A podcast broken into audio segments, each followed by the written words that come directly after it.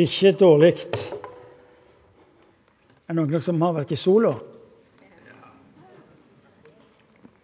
Folk, dette sier jeg hvert år.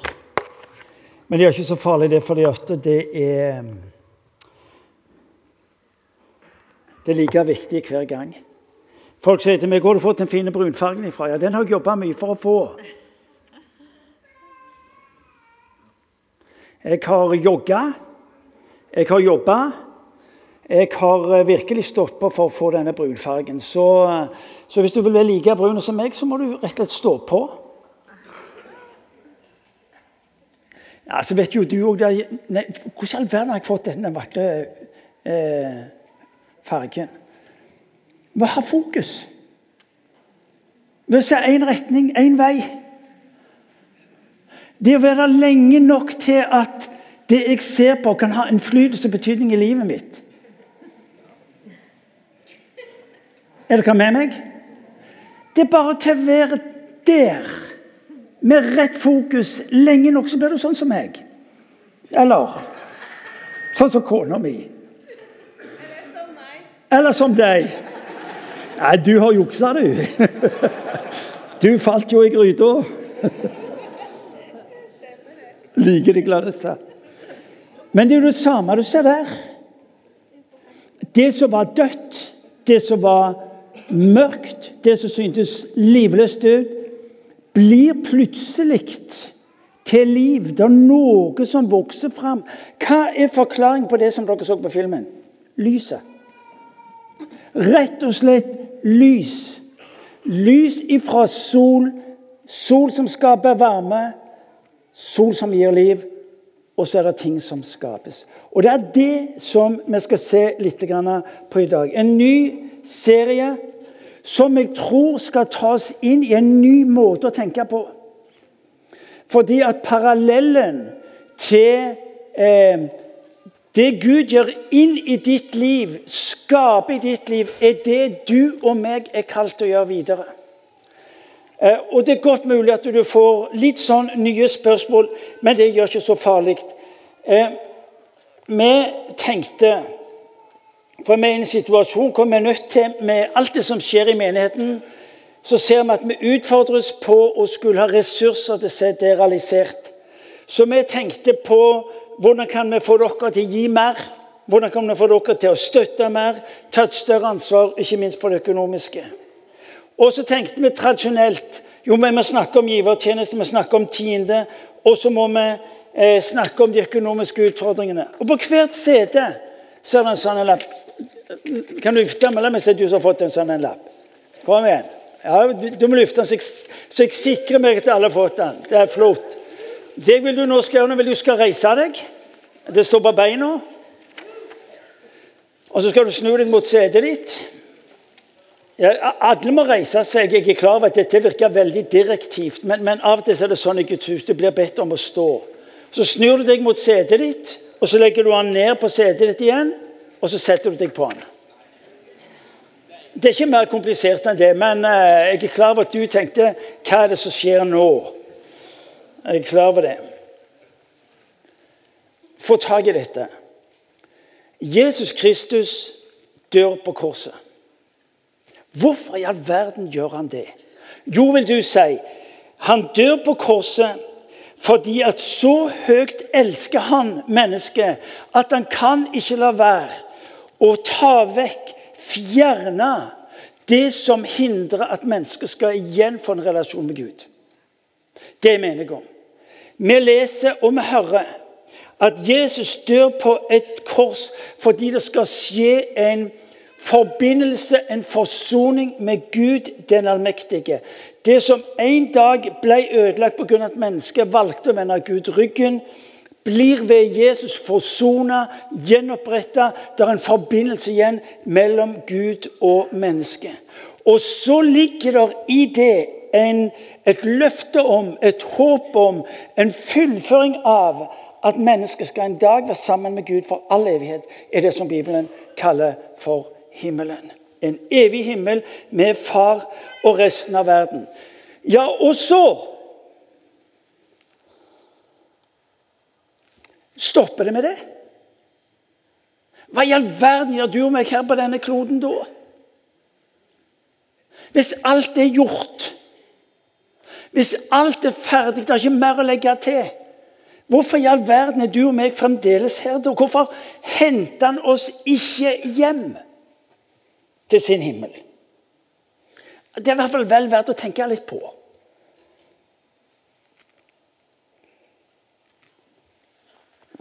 Hva er det som egentlig skjer på korset? Hvis du og meg skal forstå det som skjer på korset, så må vi tenke litt lenger enn bare øyeblikket at han dør på korset, står opp fra de døde og proklamerer 'Jeg skal komme igjen'. Når Gud en dag bestemmer seg for å skape denne verden og skape mennesket, så sier han til mennesket bli fruktbare, bli mange, fyll denne jorda. Hvis du og meg skal få tak i hva Jesus gjør på korset, så må vi gå tilbake igjen til dette tidspunktet. For hvis ikke så gir det ikke mening. Hvis ikke så lever vi i en delt og en halv historie. Bli fruktbare, bli mange. Skal du og meg forstå følgene av, konsekvensen av det Jesus gjør på korset, så må vi gå tilbake igjen til det som var hensikten når mennesket en dag ble skapt.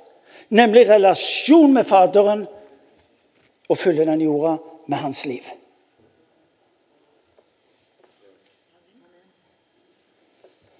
Det er tillatt å si hvis du syns at dette kan minne om spenstige greier. En gang til. Når Jesus dør på korset, så er det en del av en historie som tar oss tilbake til det som var begrunnelsen for at du og meg både ble skapt, og det vi skulle bety. Nemlig at denne jorda skulle be bli prega ved mennesket, ved deg og ved meg. Og Når Kristus dør på korset, så er det for å gjenopprette det som den gang ble ødelagt. For at mennesket valgte å gå sin egen vei. Der målet var å se jorda preget av et Guds rikes nedslag, så fikk vi en verden som var preget av mørkets nedslag. Det er bare å se oss omkring, og vi kan tenke at sånn ble verden fordi mennesket valgte å vende Gud ryggen. Du er del av Guds plan. Når du tar imot Jesus Kristus, så er du en del av hans plan, som ikke er endra, nemlig en plan om å gjenopprette det som var ødelagt. Det er ikke dårlig. Det er ikke slik at verden starter den dagen eh, Jesus dør på et kors. Jesus griper tilbake igjen for å trekke forbindelsen, for å vise deg og meg at nå gjenoppretter jeg det som var Guds egentlige plan med ditt og mitt liv. Og Hvis ikke du og meg ser det, så blir vi historieløse. Og så mister vi det som er egentlig begrunnelsen for at vi fremdeles er på denne kloden. Bli fruktbare. Bli mange. La denne verden erfare at mitt rike er kommet nær. Du er skapt med en hensikt. Du er skapt for en hensikt. Du er ingen tilfeldighet. Omstendighetene kan synes tilfeldig, men ikke i Guds ånd. Du er skapt for å skape. Du er skapt for å skape. La oss gjøre mennesket. La oss skape mennesket i vårt bilde. Det som ble sagt når Gud, Fader, Sønn og Ånd kommer sammen. Ved å bli skapt i Guds bilde blir du også en del av hans skapende virksomhet i denne verden. Ved å være skapt i Guds bilde er du en del av hans skapende gjerning i denne verden. Du er ingen tilfeldighet. Du er ingen tilfeldighet. Se på naturen. Alt i naturen forteller meg noe om en skapelsesprosess som er kontinuerlig. Ja, ikke bare i naturen, om du skulle skille naturen fra mennesket. Du og meg. Denne verden er et resultat av at mennesket iboende har et ønske om å være med å skape. Se på blomstene. Vi ser på det vakre når blomstene har sprunget ut eh, i all sin skjønnhet. Men det viktigste med blomsten er ikke øyeblikket hvor du ser skjønnheten, men høsten når den kommer, og den plutselig sender ut en hel masse frø som skaper nye blomster. Når du ser trærne, når du ser dyra, når du ser det som er rundt deg, hva du får øye på? Du får øye på en kontinuerlig skapelsesprosess. Når du, Gud handler inn i denne verden, så skaper han for at det skal sette i gang en skapelsesprosess. Bli fruktbare, bli mange, oppfyll jorden. Det starter med Guds hage. Og så skal det altså få lov til å se at målet er verden utenfor hagen. Skapt i hans vilje i bildet for å skape som han. Poenget, poenget er han ønsker ved ditt liv å skape. Og Nå snakker vi om å skape i en Guds rike dimensjon. Folkens, det er et helt annet, det er en helt annen greie. Få tak i ordet 'skape'. Skapt for å skape. Jeg tror det er det viktigste ordet du og meg, både som Jesus' etterfølgere, men også som menighet, får tak i. Fordi at du og meg ikke primært bare i denne verden for å fungere gjør en god jobb, sørger for at verden er noenlunde i balanse. Du og meg er satt inn i denne verden fordi vi er kalt til, vi er født til å skulle være med å skape. Skape når det får tak i deg og meg, så blir det en ny måte å leve på. En ny måte å leve på. Fordi at jeg er ikke her ved en tilfeldighet. Jeg er ikke her for å fullføre et eller annet. Jeg er her fordi at Gud har meg, gjort meg i stand til å skape, nyskape, der hvor jeg går fram i denne verden. Og Det er det jeg vil du skal få med deg denne formiddagen og disse ukene som ligger foran oss. Du er skapt, du er frelst, og du er utrusta for å skape. Ja, sier du, men du Martin, skulle bare vise hvordan livet mitt er. Hør nå, Når Gud snakker om at du er satt til å skape, så tar han ikke utgangspunkt i hvor du måtte befinne deg, hva som er din livssituasjon. Men kan jeg få lov til å være Gud i ditt liv på en slik en måte at min skaperkraft fullføres, virkeliggjøres i ditt og mitt liv? Du skal slippe å definere for han hva som er mulig ut ifra de rådende omstendighetene. Han sier la meg få lov til å være Gud i livet ditt. La meg få lov til, med min skaperkraft, med min ånd, å skape det livet denne verden lengter etter å få se. Vet du hva? Da står det Han hadde skapt på den sjette dagen, så sa han dette er jo vakkert. Dette er jo praktfullt. Alt er jo såre godt, står det. Du og meg er kalt til å være mennesker som går rundt og som skaper slik at mennesker sier dette er jo vakkert. Dette er jo godt. Dette, jo, dette vil jeg ha noe av. Er du med meg? Ergo så befinner du deg ikke i et venterom. I ei religiøs boble med håp om at du skal overleve og nå fram. Målet var å nå fram, hørte jeg så oftest i gamle dager. Ja, er Ditt og mitt poeng er ikke primært å nå fram. Ditt og mitt poeng er i denne verden å skape. For vi kan ikke la være.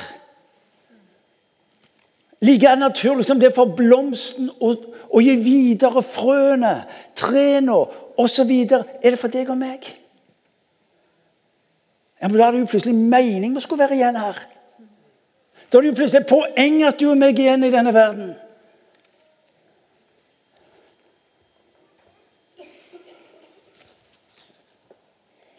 Du er skapt, sak. Du er frelst, og du er utrusta for å være en som skaper. Det er en ny dimensjon. Medskaper. Vi snakker ofte om å være en medarbeider. Du er en medskaper. Fordel Den hellige ånd skaperkraften, evne og kraft til nyskapning. Frelse er lik gjenopprettelse til det som var Guds plan. En gang til. Frelse er gjenopprettelse til det som var Guds plan. Gud har ikke angra på sin plan. Gud har ikke gitt opp sin plan.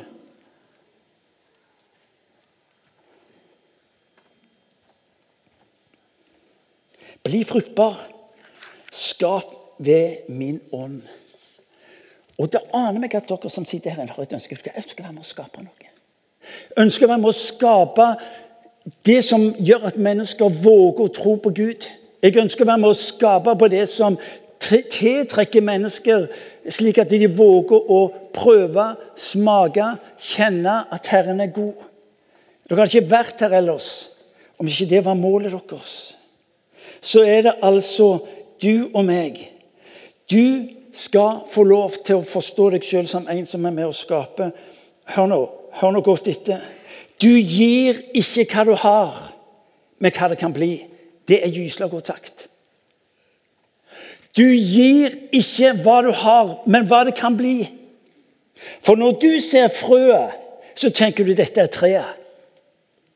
Når du ser frøet, da tenker du skogen. Når du ser frøet, ja, da ser du ikke frøet. Du ser ikke hva du har, men du ser hva det kan bli. Hvordan i all verden kan vi tenke sånn? Fordi du er en Guds rike tenker. Fordi du er en del av Guds skaperkraft inn i denne verden.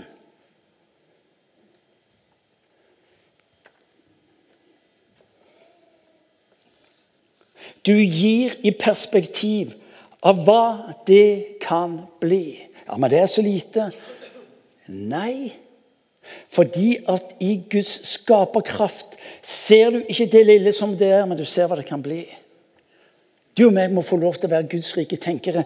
Hvis kraft er at når ordet lyder, så skaper det det det nevner. Søk først meg, står det i Matteus evangeliet kapittel 6. Og så skal du få alt det andre i tillegg. Jesus har ett fokus. Hør nå, start med meg. Ja, men, ja, men start med meg. Ja men, ja, ja, men start nå med meg. Der du og meg er opptatt med å få en løsning, en bruksanvisning, et eller annet som gir håp eller retning, så sier han søk først meg. Søk først meg. For ved det får du del i skaperkraften ved Den hellige ånd. Evnen og kraften til nyskapning der du er. Hvordan? La meg først si vi har et problem. Ofte våger vi ikke Gud av frykt for å miste det vi har. Det, det, det, det er fascinerende at vi, den rikeste nasjonen på kloden, omtrentlig Vår største frykt er å miste det vi har. Hvorfor er vi redde for alt som går på innvandring og asylsøkere? Fordi vi er redde at de skal ta det vi har. Vi er redd for at vi skal miste det vi har. Ja, de tar Og så hører du, ikke sant vel? Levestandarden synker seg videre. Denne verden ville elske å ha våre problemer. Vi er redd, vi kjenner på frykt for å miste det vi har, og ergo så må vi holde på det. Vi har, et tankesett som har oss sjøl som utgangspunkt. Og det betyr at da må jeg da må jeg holde på det med Gud. hjemme. hør nå, ikke vær redd for noe da. Sett din vei i Herrens hånd, og la meg få lov til å vise deg du skal slippe å være redd. Tingene gir oss trygghet. Tingene gir oss trygghet, og så holder vi krampaktig fast på dem. I formiddag så skal vi fokusere på tre ting. Tre, ting, tre områder som jeg tror at Gud tar utgangspunkt i når han skal skape og nyskape i ditt og mitt liv. Du og meg sang på denne sangen 'The wind will fill my sail'. På godt norsk så betyr det 'vinden vil fylle seilet'. Såpass mye har jeg greie på seiling, selv om det ikke er særlig mye å skryte av. Så er det at Hvis du ikke får opp seilet, så har ikke vinden mye å fylle. Er dere enige med meg? Så når du og meg ber om at Gud skal se en gjørning, så sier han jeg er med, vinden er klar, men få opp seilet. Hva vil det si å skape, få opp seilet? Slik at jeg med min kraft kan få lov til å fylle seilet på en slik en måte at det tar deg fram i det jeg har for deg. Når Gud snakker om å skape, så snakker han om deg og meg som medskapere. Når han ønsker en forandring i denne verden, den dummeste bønnen til Gud når du sier Gud, la det bli en forskjell, så vil han si jeg er klar, jeg er du. Ja, Men tenk så mye kjekkere å være med på det han gjør, enn å være tilskuer til det han gjør. Tenk så mye kjekkere å være med på det han gjør, enn å være tilskuer til det han gjør.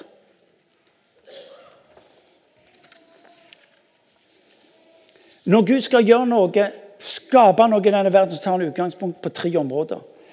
Det første er deg. Jeg satte meg noen enkle sånn, virkemidler bare som at du skal Han tar utgangspunkt i deg.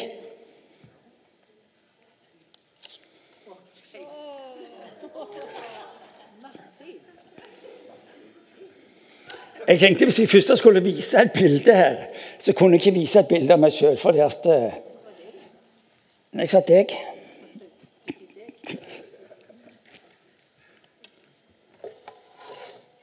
Er det ikke søtt?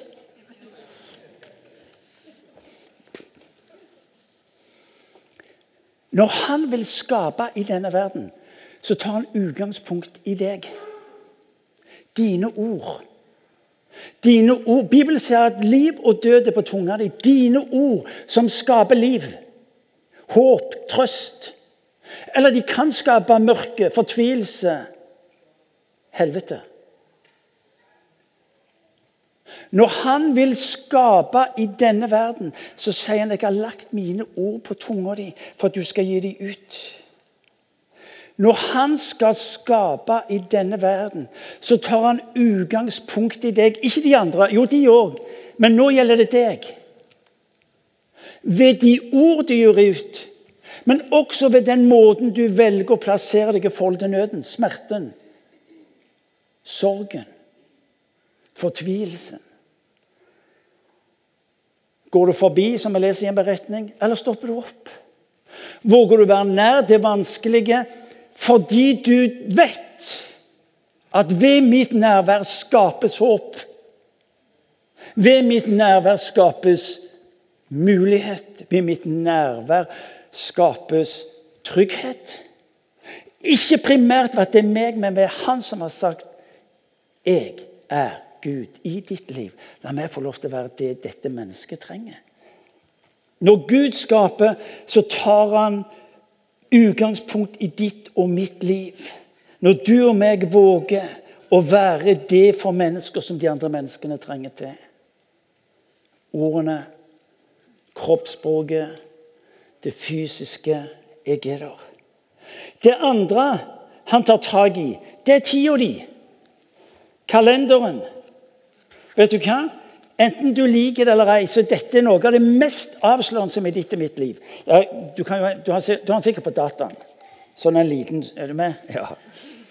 Jeg er av den konservative typen, så jeg har begge deler. Jeg har både denne Denne har jeg altså Ikke denne, men har jeg altså hatt nå i 36 år. Time manageren min.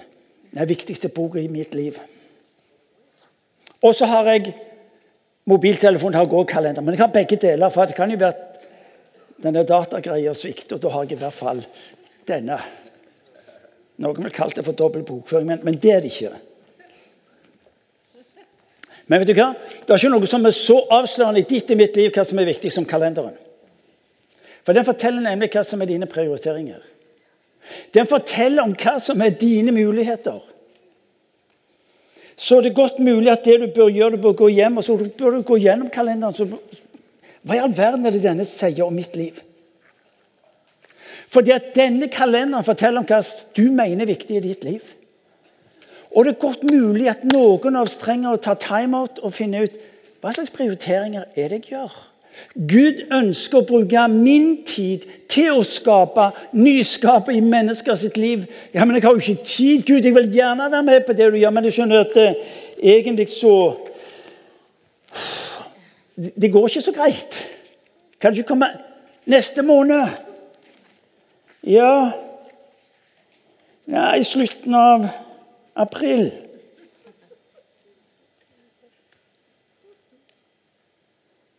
Se hvordan du prioriterer hva som er viktig i livet ditt. Og der står Herren og sier du kan meg få lov til å skape i ditt liv. Og så sier han, vet du hva? Sorry, men jeg er med deg. Poenget er ikke om du med han får han lov til å være med deg. Det er to forskjellige ting, det.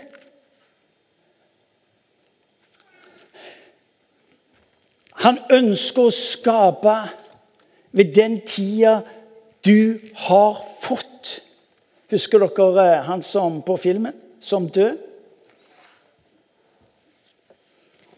Nå i dag, sier Guds ord. Nå i dag. Nå i dag skal du få lov til å si opp, Herre.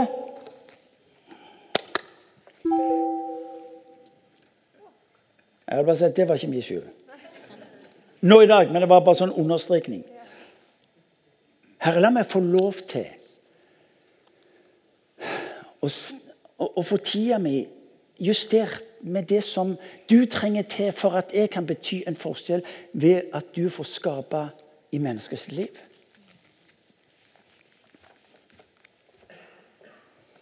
Pengene dine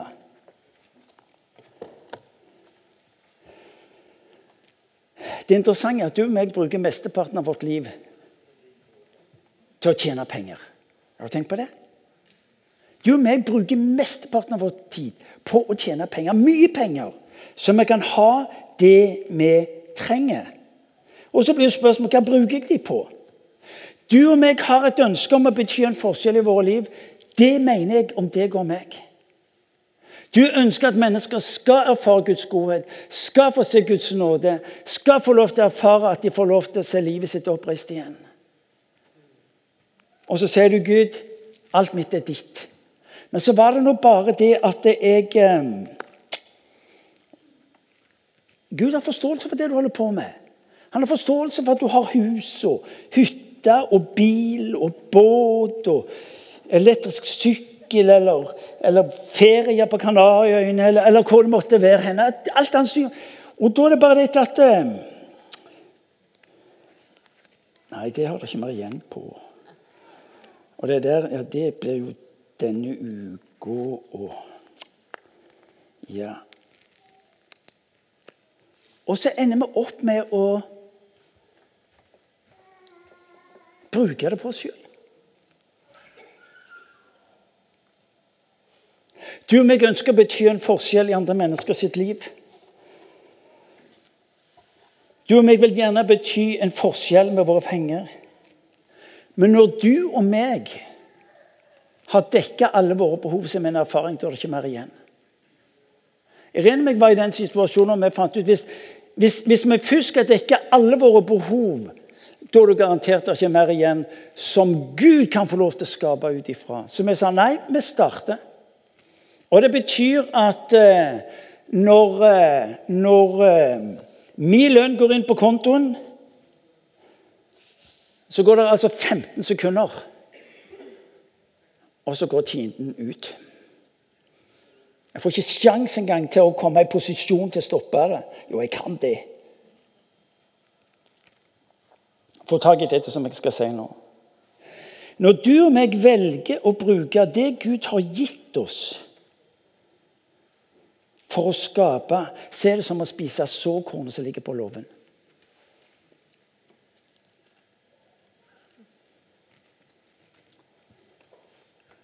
Når du og meg er velsigna langt utover det normale på denne kloden,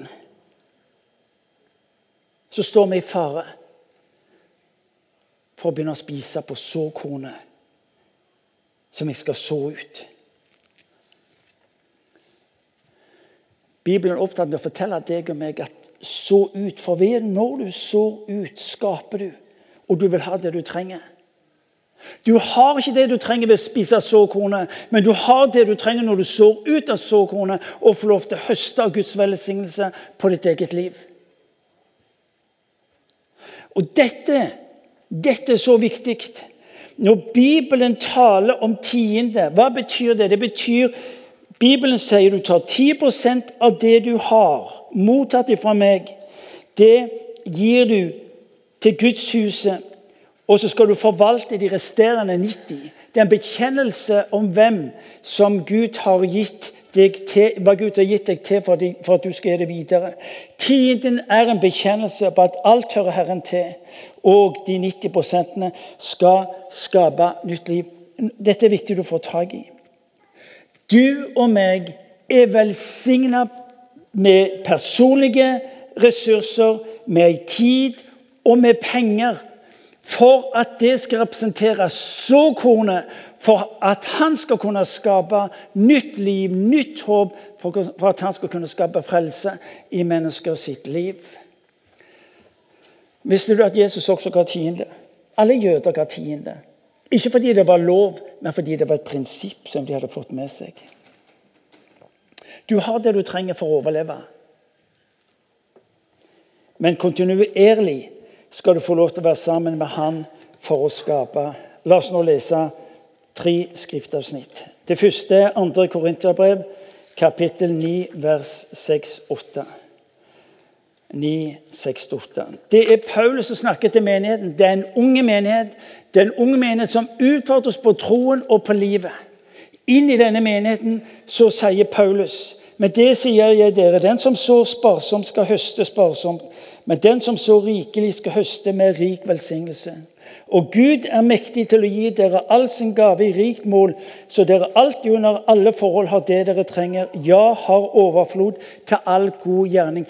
Guds mål med ditt og mitt liv, hør nå godt etter, det er fremgang. Det er overskudd. Det er herlighet. Han ønsker at du skal ha langt mer enn det du trenger. Og så leser du i teksten at det er et forhold mellom det du gir, det han velsigner tilbake til. Gamle Martin Sandvern sa det slik, han predikant fra Jæren.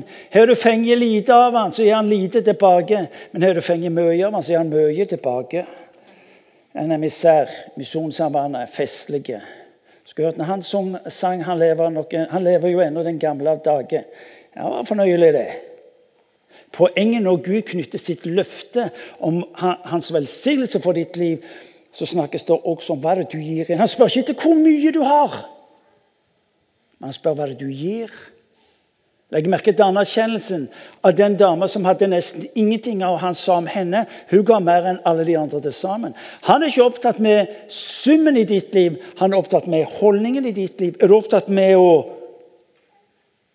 holde tilbake? ja, så blir ditt liv fattig. Fordi det du gir ut, er såkornet, er den plassen hvor han får lov til å velsigne ditt liv tilbake. Av ordspråken kapittel 11, vers 24 og 25 så står det at den som sprer velsignelse, blir selv velsigna. Hos profeten Malakias i Det gamle testamentet så leser vi noe som er uhyre interessant. Det er en litt uh, røff start innledningsvis, for han snakker om at uh, det er noen som tar det som hører han til. Men så sier han Bring hele tiden til forrådshuset, så det kan finnes mat i mitt hus. Og prøv meg på denne måten, sier Herren allherrs Gud. Da skal jeg åpne himmelens luker og øse utover dere velsignelse i rikt mål. Jeg vil skremme gresshoppene bort fra dere, så de ikke ødelegger grøtene på marken. Frukten skal ikke slå feil på vintrærne i hagen, sier Herren, allherrs Gud. Når du bærer tienden til forrådshuset, altså et bilde på gudshuset, det sted hvor du tilba, da skal jeg både velsigne og så skal jeg beskytte. Det interessante er at praktisering av Guds rike prinsipper som du møter i bl.a. tiden, gir både innebærer at du velsignes, men at det også beskyttes. Fordi du har fått hjelp til å ha et fokus på Han, som du bærer gaven tilbake til. Eh, I Malakia, som jeg leste, hvorfor sier, han det, hvorfor sier han det på denne måten? Du skal bringe tienden til forrådshuset? Jo, fordi at når du bringer tienden til forrådshuset, bildet på gudshuset, til virksomheten, så gir du egentlig denne tienden tilbake til Javé eller til Gud, og så er bekjennelsen Gud. Det er ditt. Ikke bare de 10 prosentene, men alt jeg har. Når han får lov til å velsigne ved at du kommer til Guds huset, så vil han velsigne tilbake. Hele tiden, sier han. Én ting til, forresten, Dette er parentesen, men du kan i hvert fall få lov til å tenke på han. Tiden er ikke målet. Hvis alt jeg har en gave fra han, så er jo det tiden bare starten. Målet må jo være å flytte mer og mer over på det.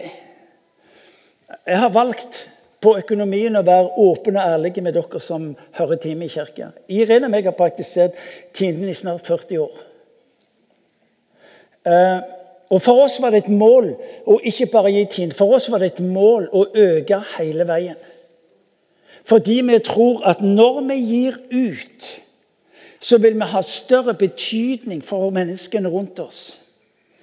Og når det har vært trange tider, vanskelige tider, og vi har slitt med økonomien, så kunne vi ha gjort en forandring på det. Men vi visste i de trange tidene at de pengene som vi nå valgte å ikke ta tilbake igjen, de hadde betydning for mennesker rundt oss. Og så ble det værende der fordi vi visste at det var en måte å skape nytt liv, ny tro. Jeg møtte mennesker som midt i en vanskelig livssituasjon En god venn av meg, svært god venn av meg, skulle ha lån til hus. Og så møter hun eh, konsulenten og, og får eh, lån på dette huset.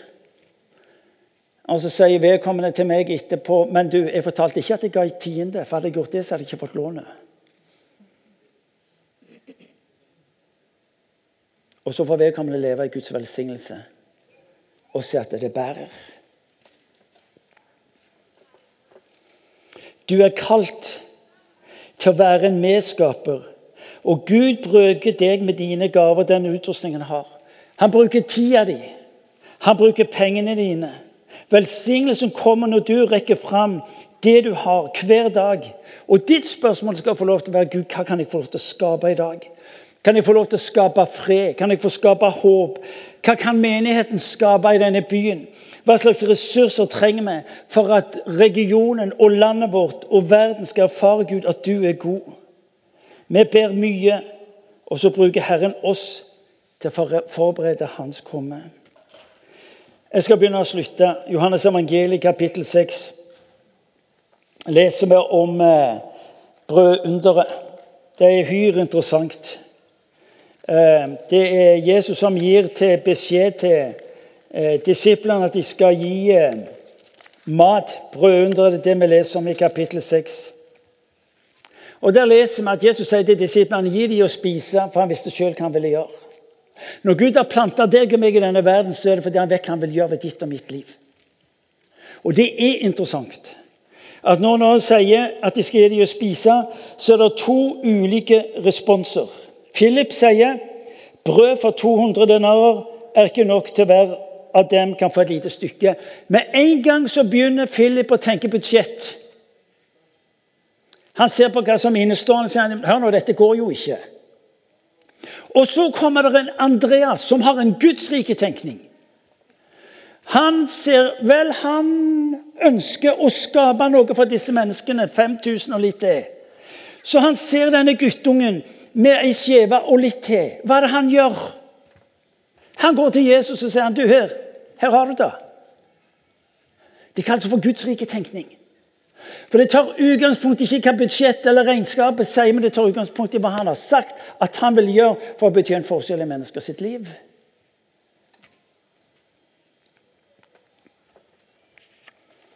Søk først Guds rike. For våre behov ja. For det vi trenger ja. Men du og vi skal også få lov til å søke Hans rike for å se våre liv har betydning for de mange der ute. Er du medlem i IMI, så er det dette vi forventer av hverandre. For når vi praktiserer tiende, gir vi Gud muligheten til å velsigne menighetens og våre egne liv. Og du og meg blir en som skaper.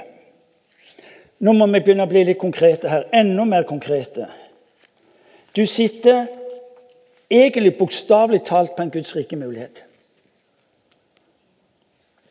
Du sitter på noe som utfordrer og som godt mulig inspirerer. Kan du ta den fram?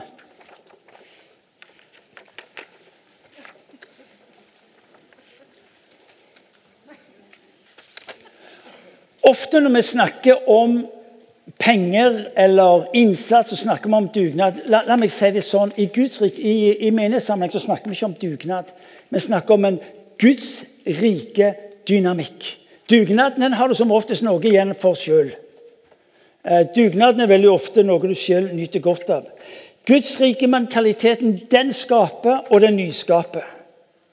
Min begrunnelse for å gi praktisere tidene og videre oppover er ikke primært at jeg skal få noe igjen, men fordi Bibelen sier det, fordi jeg ser hva som skjer når Jesus bruker det til å skape og nyskape i mennesker sitt liv.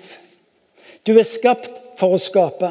Som en del av storfamilien IMI er vi gitt en unik mulighet til å skape og nyskape. Og for tida folkens, så eksploderer det bokstavelig talt rundt oss. I disse dager er det vårt mål å se menigheten lufte til et nytt nivå. Spørsmålet er ikke hvor mye penger du skal gi, men hvor mye du vil skape. Vær med på å skape i menneskers liv. Vi kan gjerne be Herren om å velsigne de som er utfor, men han vil alltid bruke ditt liv, din tid, dine penger. Det interessante er for tida så møter jeg mennesker som faktisk har sagt opp eller vurderer å si opp jobben sin fordi de ønsker å ha et enda sterkere fokus på å skape. Ser du frøet, eller ser du treet? En blomst kan ikke la være å la frøene gis ut. På samme måte er det med deg og meg. Det er naturstridig om ikke du og meg gir ut. Mars er det fokus på hvordan kan mine ressurser bety en forskjell, slik at Guds skaperverk kan fortsette. For når det er på plass, så kommer det andre av seg sjøl. Når dine penger, som ditt og mitt hjerte, henger så tett ved, kan få lov til å være lagt hos Han, så vil de andre tingene i livet eh, få lov til å fylle på plass. Mars har for meg blitt en måned til å et nytt liv eh, eh, forløst. Eh, har du slitt med foran deg? Kan ikke du se på han? Mitt spørsmål til deg vil du være med å skape, øke mulighetene for å skape. Du skal få noen minutter til å tenke på. Men så skal Øystein spille noe av det vakreste du kan tenke deg. Og når eh, du har sett på dem, så Gud, hva er det du kaller meg til å være med å skape? Så skal du få lov til å For noen så vil det være snakk om å skrive inn for første gang. For noen er det, og det er godt mulig at det er vel så viktig. For noen av dere blir det viktig å øke fordi at tiden, ellevten osv. Jeg regner med jeg øker vår givertjeneste med 1 hvert år. Det er nesten umerkelig i begynnelsen.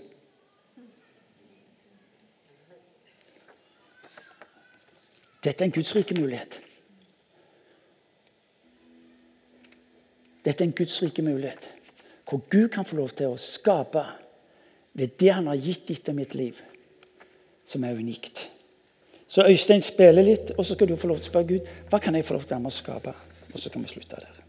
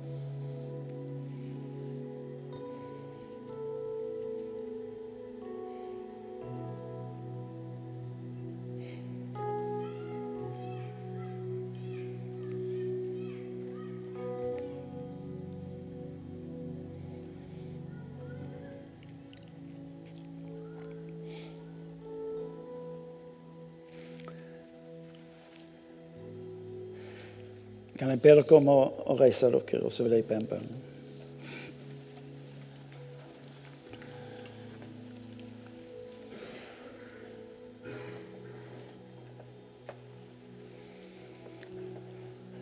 Herre Jesus Kristus, takk fordi du er mellom oss som den som elsker. Herre Jesus Kristus, takk fordi du er mellom oss som den som skaper nytt håp, nytt liv. Takk, Herre Jesus Kristus, fordi at du er den som er mellom oss, og som ber oss om å være med og skape. Far, jeg ber du skal hjelpe oss i dag og i tida som kommer, til å være et folk som ikke primært ser hva vi har, men hva, hva det kan bli. Far, du har velsigna våre liv nesten ubegripelig mye. Far, vi ber om å få lov til å være et folk som eh, ikke holder tilbake. Når du taler inn i våre liv, når du viser oss hva vi er en del av, nemlig et rike som skaper ny tro, nytt håp, nytt mot. Far, vi ber om å få lov til å være et folk som ikke styres av omstendigheten, Herre Jesus, men som våger, Herre, som Andreas i beretningen om brødunder, Herre. Han så eh, hva det var, men visste hva det ville bli. Far, jeg ber om det for den enkelte av oss. Far, jeg ber om det for den enkelte av oss. Far, vi ber om å få lov både å være et hus, ei kirke, en menighet, men også mennesker, Herre Jesus, som kjennetegnes ved det vi skapte. Skapte for hverandre, skapte i samfunnet. Far, vi ber. Far, du kaller oss også til tro, slippe taket i det vi er overbevist at vi må ha. Far, du kaller oss også til å på den ene sida glede oss over alt det vi får for våre egne liv møtt hos deg. Og Nå ber du oss også om å se utover slik at du kan få lov til å skape og nyskape. Herre, vi kommer til deg med våre liv, med det du har velsignet oss med. Og ber om å få lov, Herre, til å være slike Guds rike skapere. Gi oss å tenke annerledes. Gi oss å tenke nytt, Herre. Jeg ber om det i ditt navn.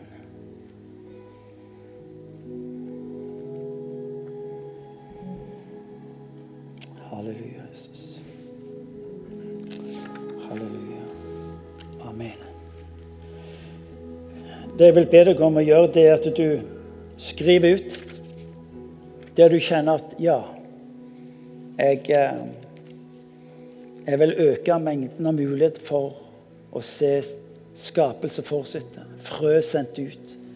Mennesker berørt.